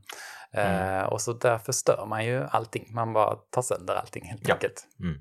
Eh, alla förankrade skepp och kontrolltorn och allting. Och det Mm. slutar med att eh, Imperiet då fattar att, de, att det här kommer från SOA och de skickar iväg en eh, liksom gigantisk missil mot SOA då. Death det- Star-aktigt. Ja, ja, Ja. precis. Deathmaker, ja precis. ja, stilen. Mm. Eh, och sen blir det en cool bossstrid där också. Ja, mot jag. den här jättestora Mm. skeppet eller vad det är för någonting. Ja, den här missilen. Missilen. Mm. Mm. Mm. Där man flyger jämsides med den och eh, liksom, det är också någon slags real, lite realtidsgryning som sker, att det blir ljusare, solen går upp under Just stridens det, gång. Det var ju väldigt ballt. Mm. Mm. Eh, och jag tror också, jag vågar inte vänta så länge, men jag tror att när man kommer, när det har, mm, ganska mycket tid har gått, om man inte fått koll på den här missilen. För så- det är en nedräkning också. Ja, precis. Sju Mm. minuter har man på sig. Mm. Eh, så tror jag också man ser någon slags, eh, man kan se så eh, framför sig på något Mm, sätt. Mäktigt. Ja. Om man vågar vänta så länge så får man se så. Men man Mm. lyckas ju skjuta ner den här missilen då, Mm. förhoppningsvis. Mm. Och så kommer man tillbaka till staden och alla är glada och speciellt Weiman då som genast blir vald till ledare. Mm. Ehm, och sen, och man får den informationen man vill ha. Ehm, och sen vill Weiman väldigt gärna ge en titeln SOAS beskyddare. Mhm. Har du kommit så långt? Ja, alltså jag vet inte. Jag, jag, ja, nej, jag tror inte jag kom Ah, okej. Nej. Mm. Han säger det. Du kan få den här jättefina titeln. Och så kan man säga ja eller nej. Ehm, och första gången jag spelade så sa jag ja. Jag ville jättegärna ha en cool titel. Mm. Mm. Eh, men ehm, alla andra gånger har jag sagt nej. Ehm, och om man säger nej så börjar han liksom försöka muta en så man får liksom säga nej massa gånger. Oj, okej. om, om man vill. Liksom. Han, till slut börjar han hota en. Liksom. Så, Mm. Anta den här titeln annars. Det är det. Ehm, men om man säger ja då och sen ger sig iväg på sin nästa bana utifrån den informationen man har fått. Så när den banan är slut så dyker det upp en mellansekvens där här Imperiets slagskepp, eh, Grig Orig, dyker upp och avfyrar sitt så totala massförstörelsevapen och bara decimerar staden fullständigt så det är bara aska kvar. Så att eh, titeln blir väldigt ironisk. Den blir, eh, den, man beläggs med en skuld. Just det. Mm. Mm. Eh, som sen, det finns ju en överlevande karaktär som sen, eh, väl den här lilla pojken då som, som heter Besser. Mm. Eh, han är ju väldigt liksom arg på en för att man inte räddade staden. Liksom. Så att, om man inte hade tagit titeln, ja, det, det, han tycker ändå att man skulle... okej, så ja, det spelar ingen roll Nej, egentligen? det spelar inget. Det är bara så här när, eh, ökar skulden. Okej, för för spelaren. Ja, ja. Mm. Mm. Och det är liksom när det hände, när, när, det, när det verkligen hände liksom. Mm. När de verkligen förstörde hela den här underbara platsen som, Mm. med alla de här människorna som inte, som inte hade något med det här jävla maktspelet att göra, utan Mm. bara försökte leva. Då Eh, utropade Aris, varför? ja, men det, det var liksom, det var så fruktansvärt om, omvälvande och eh, upprörande för mig. Ja, men jag kan förstå det. Jag Mm. hade nog känt samma sak. Mm. Jag varit, om jag spelat den 98. Mm. Mm. Ja, precis. Det är väl lite det som är den kontexten som behövs kanske. Ehm, mm. Men eh, ja, han eh, har ju fått nys om tornet i alla fall då, Etchi. Mm. Så han eh, beger sig dit, eller först så tar han ju hand om det här slagskeppet då. vad heter det? Grigg-Orrig Grig Urrig. säger de i spelet. En, ser ut att vara en fräck bossstrid, men det var nog någonstans här som jag, eh, för att eh, ja, min emulator bara vägrade spela mer liksom. Så, att, Så eh, kan det gå. så kan det gå. Mm. Så jag såg resten på Youtube. Men eh, ja, nej, men sen så är det ju eh, dags att, eh, sen är det väl mot tornet antar jag? Ja, precis. Um, ska vi tänka. Ja, det är ju mot tornet. För att det är väl någon dimma som Mm. omgärdar det. Mm. Som man, skingras. Ja. man skingrar den på något Mm. sätt. Ja.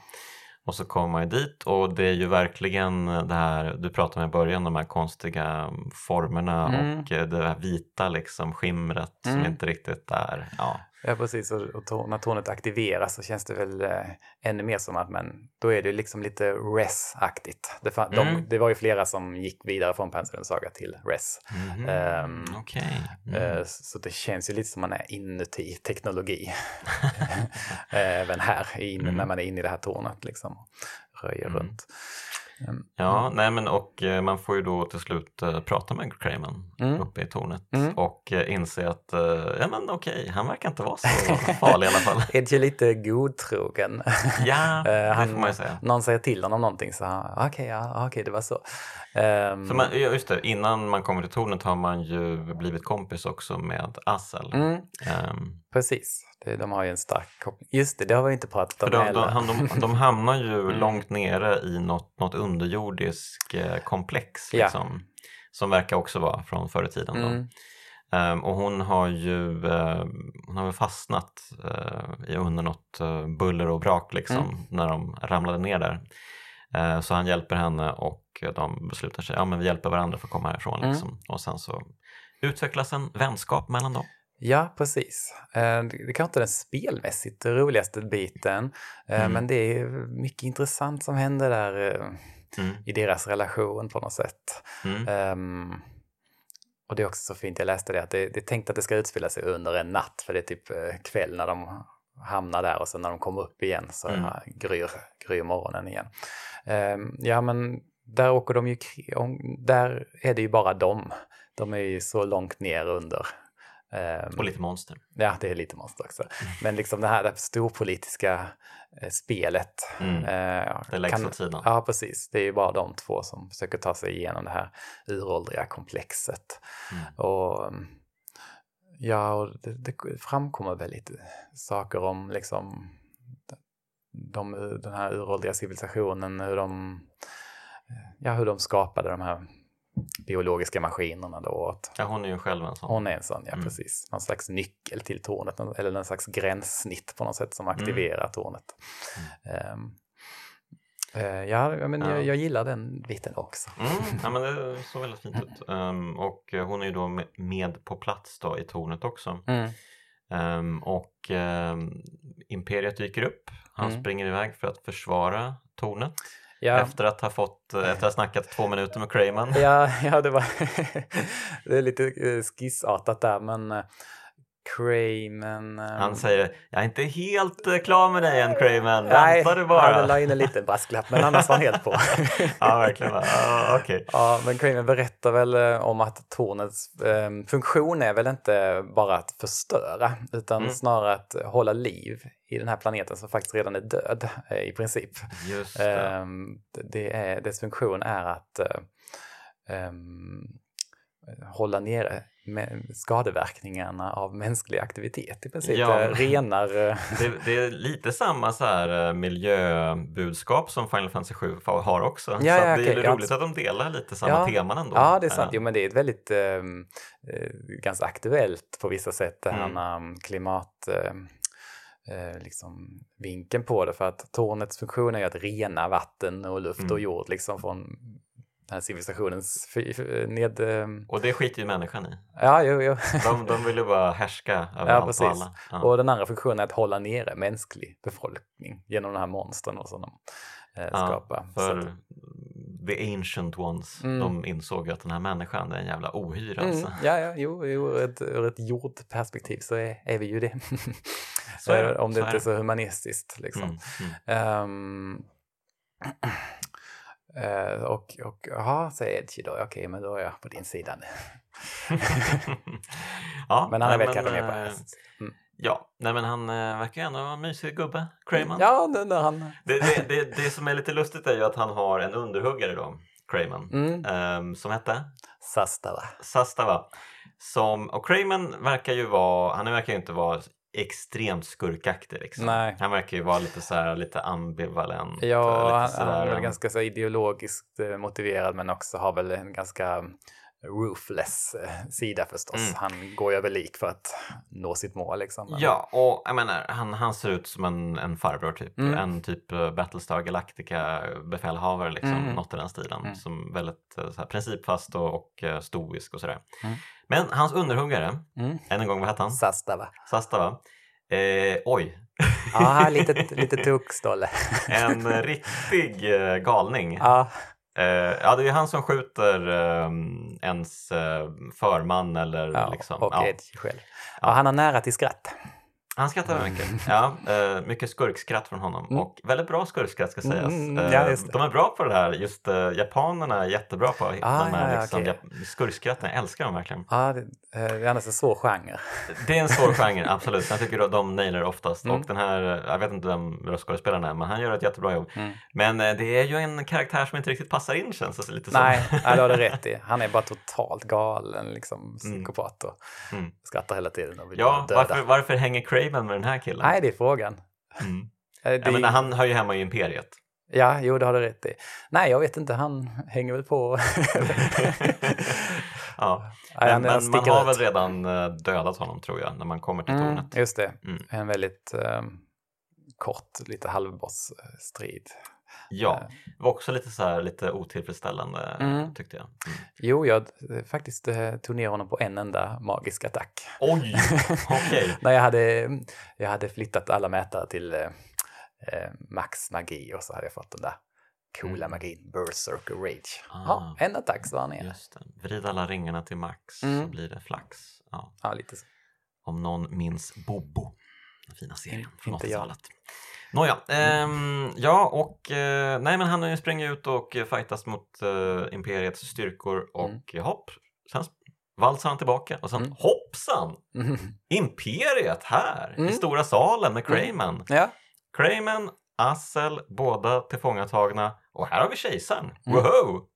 Ja, och absolut. eh, det, det ballar med kejsaren, eh, alltså han ser verkligen ut som en kejsare och Ja. hela liksom den outfiten. Men han sitter då på någon sorts portabel tron ja, som inte bara är en portabel tron, det är en kulsprutetorn. ja just det. ja, men det är kul när du, jag ville ha lite så här, det här perspektivet över dig Jonas. Ja. För att jag, jag har ju bara spelat ett, eh, alltså när jag spelade första gången så var jag ju 14 och ja visst, det är superbra det här. det är inga konstigheter, det är bara bra. Ja. Eh, Och det lever ju kvar lite grann så allting är ju naturligt för mig. Just det, så när ser. han väl öppnar sitt kulsprutetorn och mejar ner, Mm. försöker meja ner Crayman som liksom duckar svårsiktigt. hela den här. Svårt att sikta med en kulsprutetron. Ja, det, det verkar vara det. Men eh, det tyckte jag var underbart. Mm. Mm. Det är fint. Men där är det lite så här, när- ja typ, ja Crayman dör, Mm. kejsaren dör.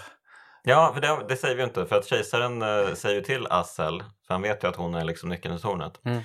Okej, aktivera tornet. Nu ska du hjälpa mig härska över allt och alla. Och hon skriker jättehögt. Mm. Och då kommer de här varelserna ner från tornets Mm. eh, topp typ. Mm. Och eh, det är en jättestor hemsk varelse som Mm. bara slaktar kejsaren Mm. fullständigt. Ehm, och sen så tvingas ju de uh, fly då. Ehm, Itchy och Azel Mm. tillsammans. Crayman dör ju också. Mm. Jo, ja, men hela slutet av spelet är bara så totalt, allting faller sönder Ja, liksom. det är jävla kaos verkligen. Ja, eh, alla, alla dör och alla, alla städer förstörs och, ehm, och liksom de här styrkorna bara faller samman.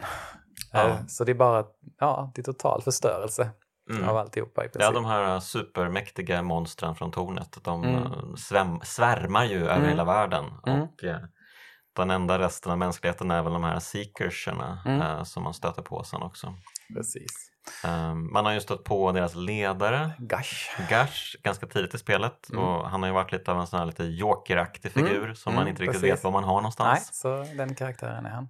Eh, men han verkar vara en schysst kille. Mm. Och eh, han har ju en plan då för att rädda världen. Ja, för då kommer ett nytt, ett nytt perspektiv in på det här med tornet. Mm. Ehm, ja, det, det håller ju, verkar ju hålla vår värld vid liv på något sätt, ehm, tänker de. Mm. Men de- här eh, The Seekers, de är så eh, liksom...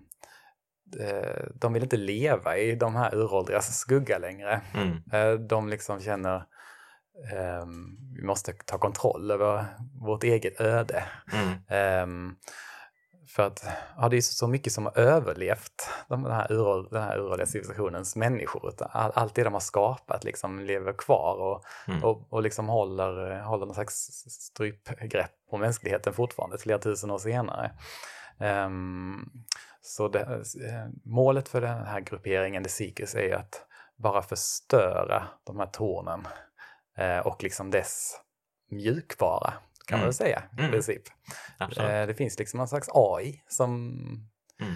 existerar i någon slags eh, rymd eller bortom tid och rum på något sätt. Ja, det verkar vara i någon annan dimension eller något sånt mm. där. Ja, slags... Det var lite oklart. Ja. Eh, som också är liksom någonting som har överlevt de ur, mm. den, de, den uråldriga civilisationen och eh, fortfarande utövar sin makt mm. över världen. Mm.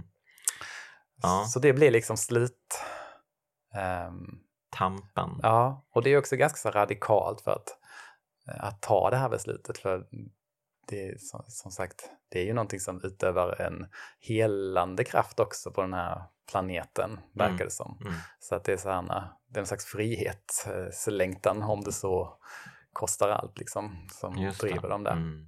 mm. Planeten kan ju förstöras fullständigt. Ja, mm. Ja precis.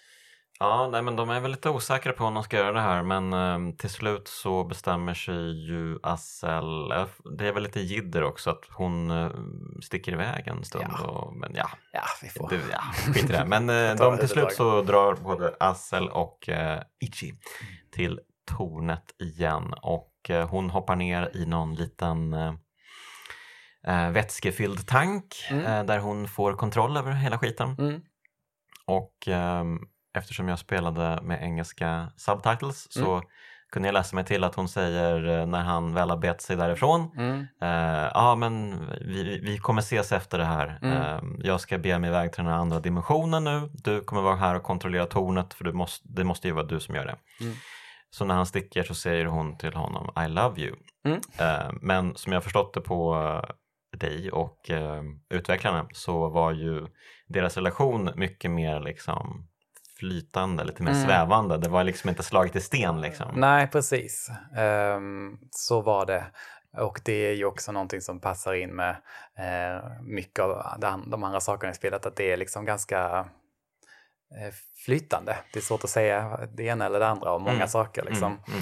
mm. Eh, och, och de har ju sagt också i, i olika intervjuer att för en japansk publik så det, kan det vara de klarar av att uppfatta nyanserna liksom i, deras, i sättet de pratar med varandra. Va? Just det, just det. De, Men, de, de dejtar lite annorlunda kanske. Mm, ja precis, det här lite mer de bara, LO, eh, Jaha, han, uh, han har plockat fram uh, finporslinet. Ja mm. men han älskar mig. Ja okay. precis, ja, men det var något sånt de sa i sin intervju. Ja, typ så, ja. men det fattade vi i väst. Så vi, vi måste få veta, vi måste höra henne säga Vi måste höra någon säga det liksom. I love you. Fast mm. han hör ju inte det men, Nej, men hon säger det i alla fall. Mm. Ja. ja, det är något Ja, det är ju något fint och märkligt med den här kärleksrelationen för hon är ju ganska, hon, är ju, ja, hon har ju mycket mänsklighet som växer fram liksom men hon ser ju väldigt märklig ut på, ja. eh, på många sätt och hon är ju liksom en maskin, mm. Mm. Um, biologisk maskin och sådär. Ja, men även uh, Itchy är ju inte helt hundra. Det har du rätt, han, bef i, han befinner sig också i ett gränsstadie liksom. Mm. Mellan det ena och det andra. Ja, det, det blir väl lite klarhet i det nu när vi beger oss till den här andra dimensionen mm. och ska sätta stopp för The Ancient Ones. Mm. Uh, för jag menar, i slutet av spelet så tar ju draken kontroll här mm. över saker och ting mm. som man färdas med hela tiden. Mm. För den börjar ju liksom uh, prata med uh, spelaren. Um, och uh, spelaren är the divine being. Ja, precis. Besök, the divine visitor, eh, besökaren, den gudomliga mm. besökaren. Liksom. Mm. Um, den här ljusklotet. Man som... är ju det här ljusklotet och Idji, han, eh, dog ju där i början. Mm. Men, um, så han är ju död genom mm. hela spelet, men han är ju också sig själv. Liksom. Är han är ju vid liv egentligen. Ja, ja, precis. Han är ju Reanimated. Slags, ja, precis. Så man som spelarens roll är ju som att komma in som en slags besökare i den här världen och ta, hjälpa till. Hjälpa till helt enkelt. Och, och då, då återkopplas ju det här med att man skrev in sitt riktiga namn då i början, att mm. de kan mm. vända sig till Jonas eller Johan då. Mm. Uh, så att ja, det är ju ja, det är en schysst jag tyckte det var en schysst meta-grej Mm. liksom. Ja, nej, men eh, alltså, tänkte du på det på den tiden? Att det var liksom... Jo, det, det tänkte jag ju Ja. på. Mm. Eh, Tror jag. Vet inte. Ja, det kan, ja, jag vet inte. Ja, jag tror det. Kände du liksom bara wow, wow, det var jag hela tiden? det gjorde jag säkert. Ja. wow! Ja, ja, Ja. Bra, bra, bra. Eh, jo, men eh, han eh, dör väl antar jag. Ehm, det är ju lite oklart egentligen Mm. vad det är som händer här i slutet. Mm. Men eh, hela den här andra dimensionen som ser superspacad ut. Mm. Här snackar vi verkligen res. Här blir Mm. det helt crazy Ja, liksom. jo, jo, med precis. färgerna och allting. Eh, men den försvinner ju. Och jag antar att tornet försvinner också i den verkliga världen. Mm. Ehm, och eh, sen får vi ju liksom en after credits-scen då Mm. där uh, Assel dyker upp klädd i någon beduin-outfit Mm. liksom och pratar lite med någon, någon snubbe i något läger. Bara, Mm. Ja men du ska bege dig, jaha du är på väg eh, mot tornet kanske, jag kommer inte ihåg riktigt men hon är på väg någonstans för att leta reda på uh, Itchy. Ja, precis. Hon beger sig ut i någon slags, uh, ser ut som ett väldigt ogästvänligt landskap. Mm. Ehm, Så kanske lever han, kanske inte. kanske inte, precis. Mm.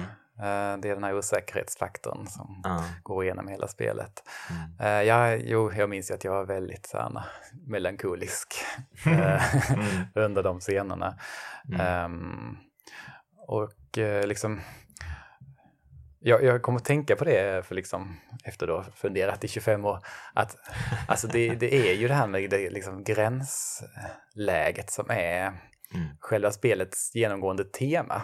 Ehm, att han heter Edge, eller att det stavas Edge då, Mm, liksom mm. gränsen. Och det utspelar sig i The Frontier, alltså Mm. gränslandet. Och just att det är så många, på så många nivåer är det så här, ja, är det, är han, lever han eller är han död? Eller han är både levande och död. Mm. Och hon är både en maskin och en människa. Mm. Och monstren, det har vi inte sagt De är heller. både onda och goda. Nej, men det är mer så här att, att eh, det finns ju två typer av monster. Det finns ju de liksom ren pure type som är liksom eh, som de eh, ursprungligen skapades Ah, mm. av, eh, av de här uråldriga Mm. eh, människorna som liksom utför sin programmering. Liksom. Mm. Och så, men de flesta är ju mutated.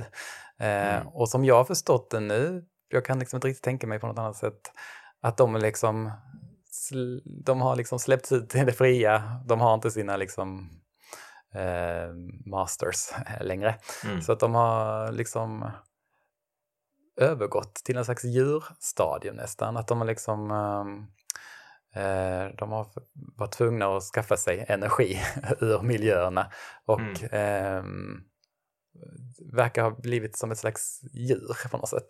Mm. Förstår du vad jag menar? Mm. Mm. Jag förstår. Mm. Jag läs, de, de säger att de har varit i, eller han Futatsugi, han var tydligen väldigt inspirerad av en eh, science fiction-roman som heter Drivhuset på svenska.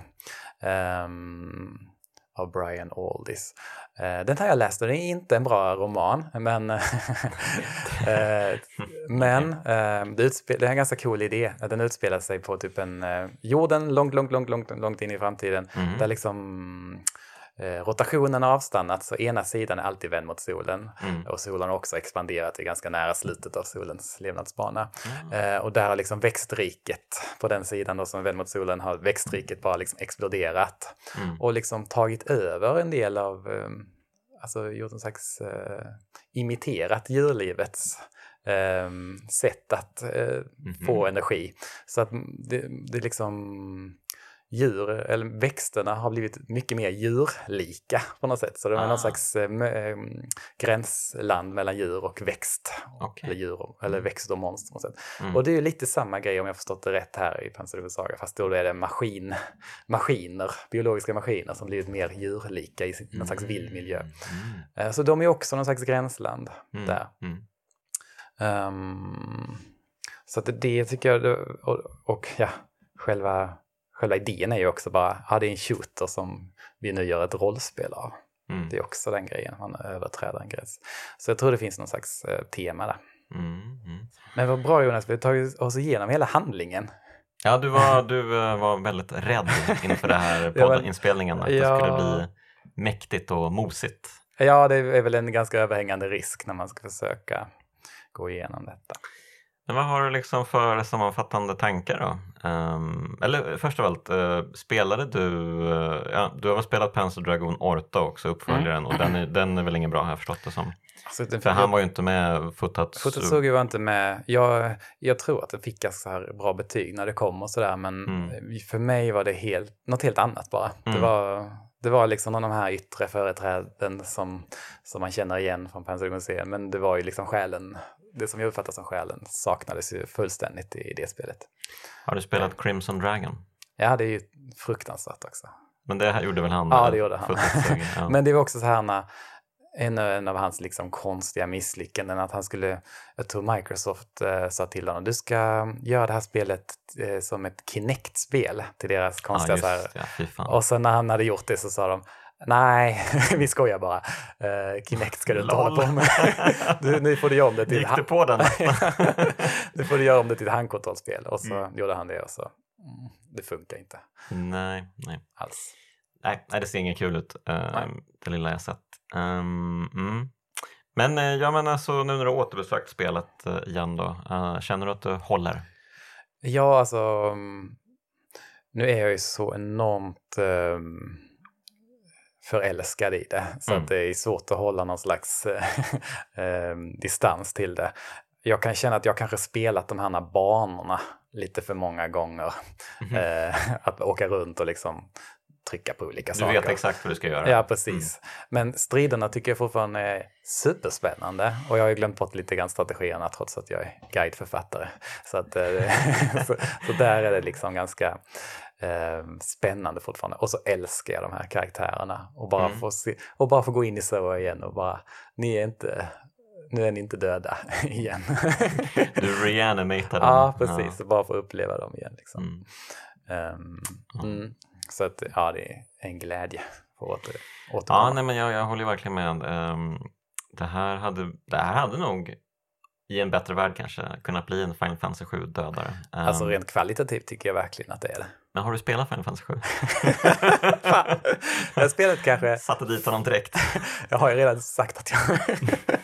jag har spelat kanske 15 timmar eller sånt. Oj, ja, det är, det är ändå ganska mycket. Mm. Ja, och då blev jag helt, för då var, det hade kanske gått 10 år sedan liksom den mm. stora... Ja, jag vet, det är ganska svårt. Ja. Mm. Och jag blev så förvånad för att det var så fruktansvärt spretigt och mm. tramsigt eh, ibland. Ja, liksom. det är väldigt tramsigt. Ja. När jag, var liksom, jag trodde att det skulle ändå befinna sig på samma nivå som Pensadon Saga, men jag tycker det är en sån enorm klasskillnad i liksom eh, enhetligheten och um, och liksom att ta ansvar för historien man vill berätta och inte bara tramsa till det. Liksom.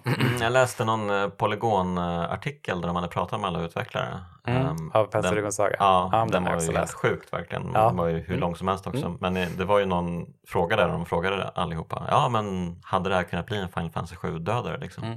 Om det släppts ett år tidigare? Eh, och han Futatsugi trodde ju att ah, vi hade kanske kunnat få ut spelet ett år tidigare, hade kanske gått, mm. men då hade vi ju slavat som idioter typ mm. och ja, mm. gjort eftergifter. Men eh, de flesta sa väl det helt enkelt att eh, nej, det här spelet hade aldrig kunnat nej, alltså, bli så populärt som Final Fantasy Nej precis, det, är inte alls, det har inte alls samma sådana... Det är inte samma genomslagskraft. Liksom. Nej, det är inte alls. Och liksom, som du var inne på, det här tramsiga är ju ändå liksom en betydande del som, ja. som verkligen tillför att många kan ta till sig Final Fantasy 7. Absolut. Mm. Nej men det, det, inser väl de också att det, de var ju mycket mer, alltså de beskriver sitt eget utvecklingsteam som någon slags avantgardgäng som liksom mm. inte vill göra någonting som någon annan någonsin har gjort. Liksom. Uh, ja. Så att, uh, ja. ja. men det är ju verkligen ett projekt som man känner, precis som förra veckans avsnitt om The Last Express mm. så var det så här ja, hur blev det här spelet gjort egentligen? Mm, det... det... är så svårt att förstå. Liksom. Och utvecklades ungefär samtidigt också. Mm. Det kändes som en tid då folk tog stora risker egentligen. Ja, ja, jo så var det ju. Det är ju För... mycket spännande saker som gjordes då. Mm. Eh, men alltså, liksom, alltså det var ju ändå liksom storbudgetspel mm. det här ja, ja. verkligen. Ja, Sega öste, öste in pengar i det här. Och, så... och Shenmue. Eh, ja. Och sen gick det som det gick också. Ja, just det. Mm. Mm. Ja, nej men ehm, en tid man kanske skulle vilja återvända till. Eh, mm. Det var mycket som, kul som hände på mm. sent 90-tal. Mm. Um, men eh, kan du bara försöka sammanfatta då, vad är det som gör Panzer Dragoon Saga till ett kraftspel? Ja, alltså mm, allting runt spelet är ju som en katastrof. Liksom, själva utvecklingen och hur det sålde och sen att de tappar bort källkoden som man aldrig kan göra. Just det, det är helt sjukt. Ja. som man aldrig kan göra remake på något sätt. Det uh. tycker jag är ganska skönt i och för sig. Um, mm. Och att det liksom... Eh, Lite tråkigt att man inte kan få spela spelet på några moderna plattformar jo, i och för sig. Jo, det är sant. Um, men liksom allting runt om är en katastrof. Mm. Men själva spelet är ju helt otroligt. Um, alltså för mig är det absolut mest det liksom överlägset mest fascinerande spelet ur liksom 32-bits, 64-bits-eran i alla fall. Mm. Och liksom att det vågade vara så enhetligt och allvarligt och att det, kan, att det är så unikt i sin, liksom, sina system och sin estetik och allt det där. Um, så det, man kan inte förstå hur de kunde göra det här spelet. Och så, så gjorde de ändå det här spelet. Och liksom det kostade dem nästan allting. De, mm. hela teamet gick under och Sega fick en jätteekonomisk smäll. Liksom och, mm. Mm. Um, men resultatet blir, blev ju ett spel som liksom 25 år senare känns helt unikt och mm. liksom oförglömligt att spela igenom. Ja, nej men jag kan ju verkligen tycka att någon, någon någonstans borde liksom bara försöka anamma den här spelmekaniken i alla fall mm. och eh, ta de här striderna till ja. en modern kontext. Ja, det hade varit kul. Mm. Ja men vad härligt. Um, tack Johan för att du var med i Kraftspelningen. Tack Jonas. Och tack för att ni lyssnat på det här finfina avsnittet, alla lyssnare. Och eh, tack för att ni är Patreons, det betyder jättemycket. Uh, ett stort tack till de finfina pojkarna i det finfina Bitpop-bandet 047 som gör musiken i Kraftspelen. Och eh, vi, ja, vi hörs igen nästa vecka.